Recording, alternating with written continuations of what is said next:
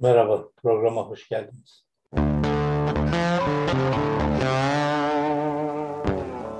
Bugün tekli programları burada e, son olarak yapıyorum. Yakında çiftli programları da aşağıda yapacağım.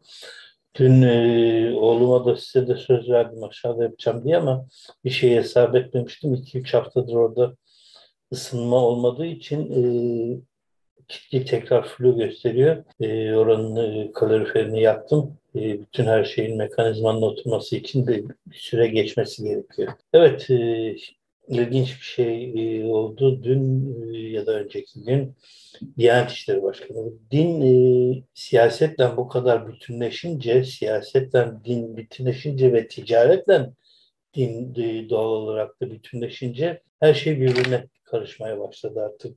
E, Ekonomi Bakanı Nebati'nin e, ne işe yaradığını merak etmeye başladım ben. E, çünkü e, Diyanet İşleri Başkanı'na e, kriptonun caiz olup olmadığını sormuşlar. Kripto paranın caiz olup olmadığını. Şöyle hocanın bir tanesi tez hazırlıyormuş. Diyanet İşleri Başkanlığı'nda işi gücü bırakmış, e, tez hazırlıyormuş. E, bu kripto paraların caiz olup olmadığına dair. Ama diyor Ali Erbaş, şu an itibariyle kripto paralar için caiz değildir diyemiyoruz. Diyor. Büyük bir olasılıkla bu test şöyle gidiyor. E, kripto parayı bir belli bir bir devletin verdiği yani bizim devlete ödediğimiz devletin de diğer işlerine e, verdiği paranın bir kısmı anladığım kadarıyla kripto paralara yatmış. Şimdi e, hangi kripto paraya yatırdılar, kaç tanesine yatırdılar bilemiyorum. E, bu sonuç e, verdiğinde yani Diyanet İşleri Başkanlığı kripto para üzerinden kara geçtiğinde caiz olup olmadığını açıklayacaklar. E, o zamana kadar da tez böylece hazırlanmış olacak. Benim anladığım bu. Şimdilik caiz değildir diye bir dini kavramı ben ilk defa kripto parada görüyorum. Tabii dindar arkadaşlara sormadım bunu. E, kızarlar diye sormadım. Yani çekindiğinden. Çünkü kafamın e, basmadığı ya da bilmediğim, anlamakta zorlandığım bir takım olayları e, e, dini bilen bir takım arkadaşlara soruyorum. Bunu sormadım. Bunu mesela İbrahim Öztürk'e sorabilirdim. Hem dindar hem ciddi bir ekonomist. E, ama o Laz kafasıyla İbrahim'in benimle dalga geçeceğini tahmin ettiğimden bu konuda İbrahim'e sormayayım. Ama programı yaptıktan sonra soracağım. En azından programı kendi bildiğimle götüreyim dedim. Şimdi gerçekten din siyaset ve siyasete bulaşmış ticaret hepsi birbirinden ke, e, iç içe geçince ulemalar da böyle açıklamalar yapıyorlar tabii. Şimdi e, biliyorsunuz e, bu kripto para ilginç bir sistem. Önemli insanlardan bir tanesi e, Elon, Elon Musk gibi açıklama yapınca hiç beklemediğiniz bir kripto para anormal bir şekilde yükseliyor. Tahmini olarak oraya para yatırdıysanız birdenbire ufak çapta da olsa zengin oluyorsunuz. Ne kadar yatırdığınıza bağlı. Ne yapıyor Elon Musk? Bir kripto para çıkıyor işte adı X. Aa benim köpeğimin adı X'ti ben o köpeği çok severdim diye bir açıklama yapıyor. Coin akıl almaz bir şekilde yükseliyor. sonra düşüyor tabii ama o arada al sat işini yapan e, birkaç telefondan bu işi öğrenen, bu işin uzmanı olmuş e, insanlar ciddi bir şekilde bir dönem para kazanıyor. Ama 24 saatte ama 8 saatte. Şimdi Diyanet İşleri Başkanı'nın böyle bir olanağı var mı bilmiyorum. Çünkü e, bunlar şu anda beklemedeler. Yatırdıkları kaç çeşit kripto para varsa yükselenler ve alçalanlarla bir e, araştırma yapacaklar. Tez ona göre bitecek. E, biz bu işten ciddi bir şekilde bazılarından zarar etsek de bazılarından kar ettik diyecekler.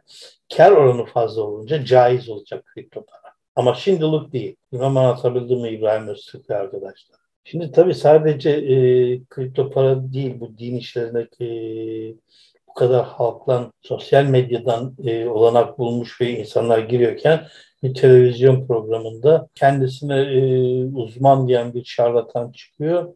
İşte eşi bir kadın eşinden şikayetçi şu şu şu var diyor.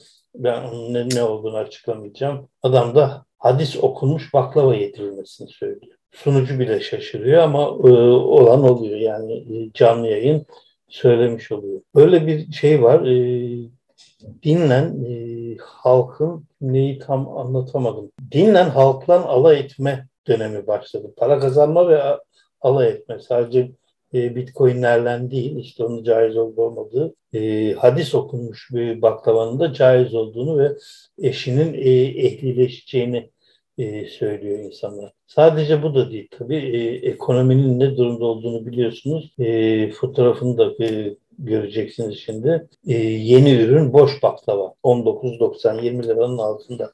Boş baklava ne demektir? Yani e, fıstıksız, e, cevizsiz baklava. Öylesine ben üstüne şerbet döktüm. Baklavayı da kızarttım, şerbet döktüm. Al ye bunu. Hayal et kafanda. İçinde e, fıstık olduğunu, ceviz olduğunu hayal et.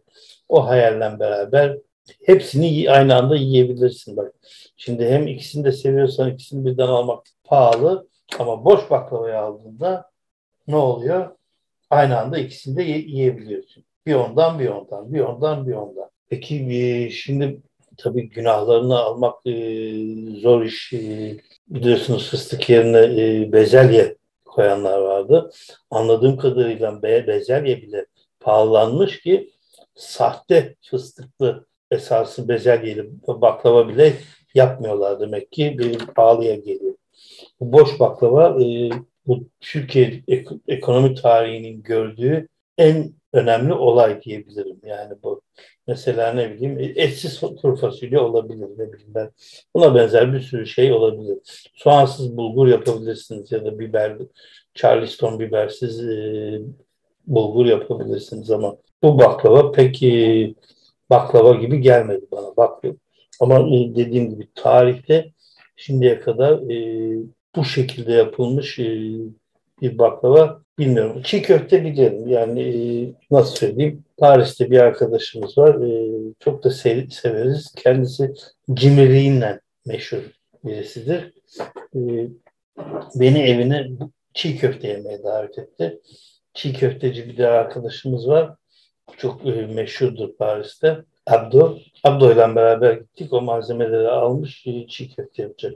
Şimdi atıyorum birdenbire sayamadım aklıma gelmedi ki ben de e, seyrek de olsa çiğ köfte yaparım. 7-8 malzeme birden lazım çiğ köfte için. Fakat bu cimri arkadaşımız o diyelim ki 8 malzemeyi 4'e yedi. Abdo daha çiğ köfteyi yoğurmaya başlamadan önce sinirden terlemeye başladı. Tabii e, nasıl yapacağını bilemiyor. Ben yeteri kadar dalga geçiyorum zaten Abdo'yla. Bana iyice sinirleniyor. Ev sahibinin misafiriyiz gece kalacağız uzak bir yerde Paris'e uzak bir yerde o zaman onda kalacağız kızdırmaya da gelmez hafiften dalgamızı geçiyoruz.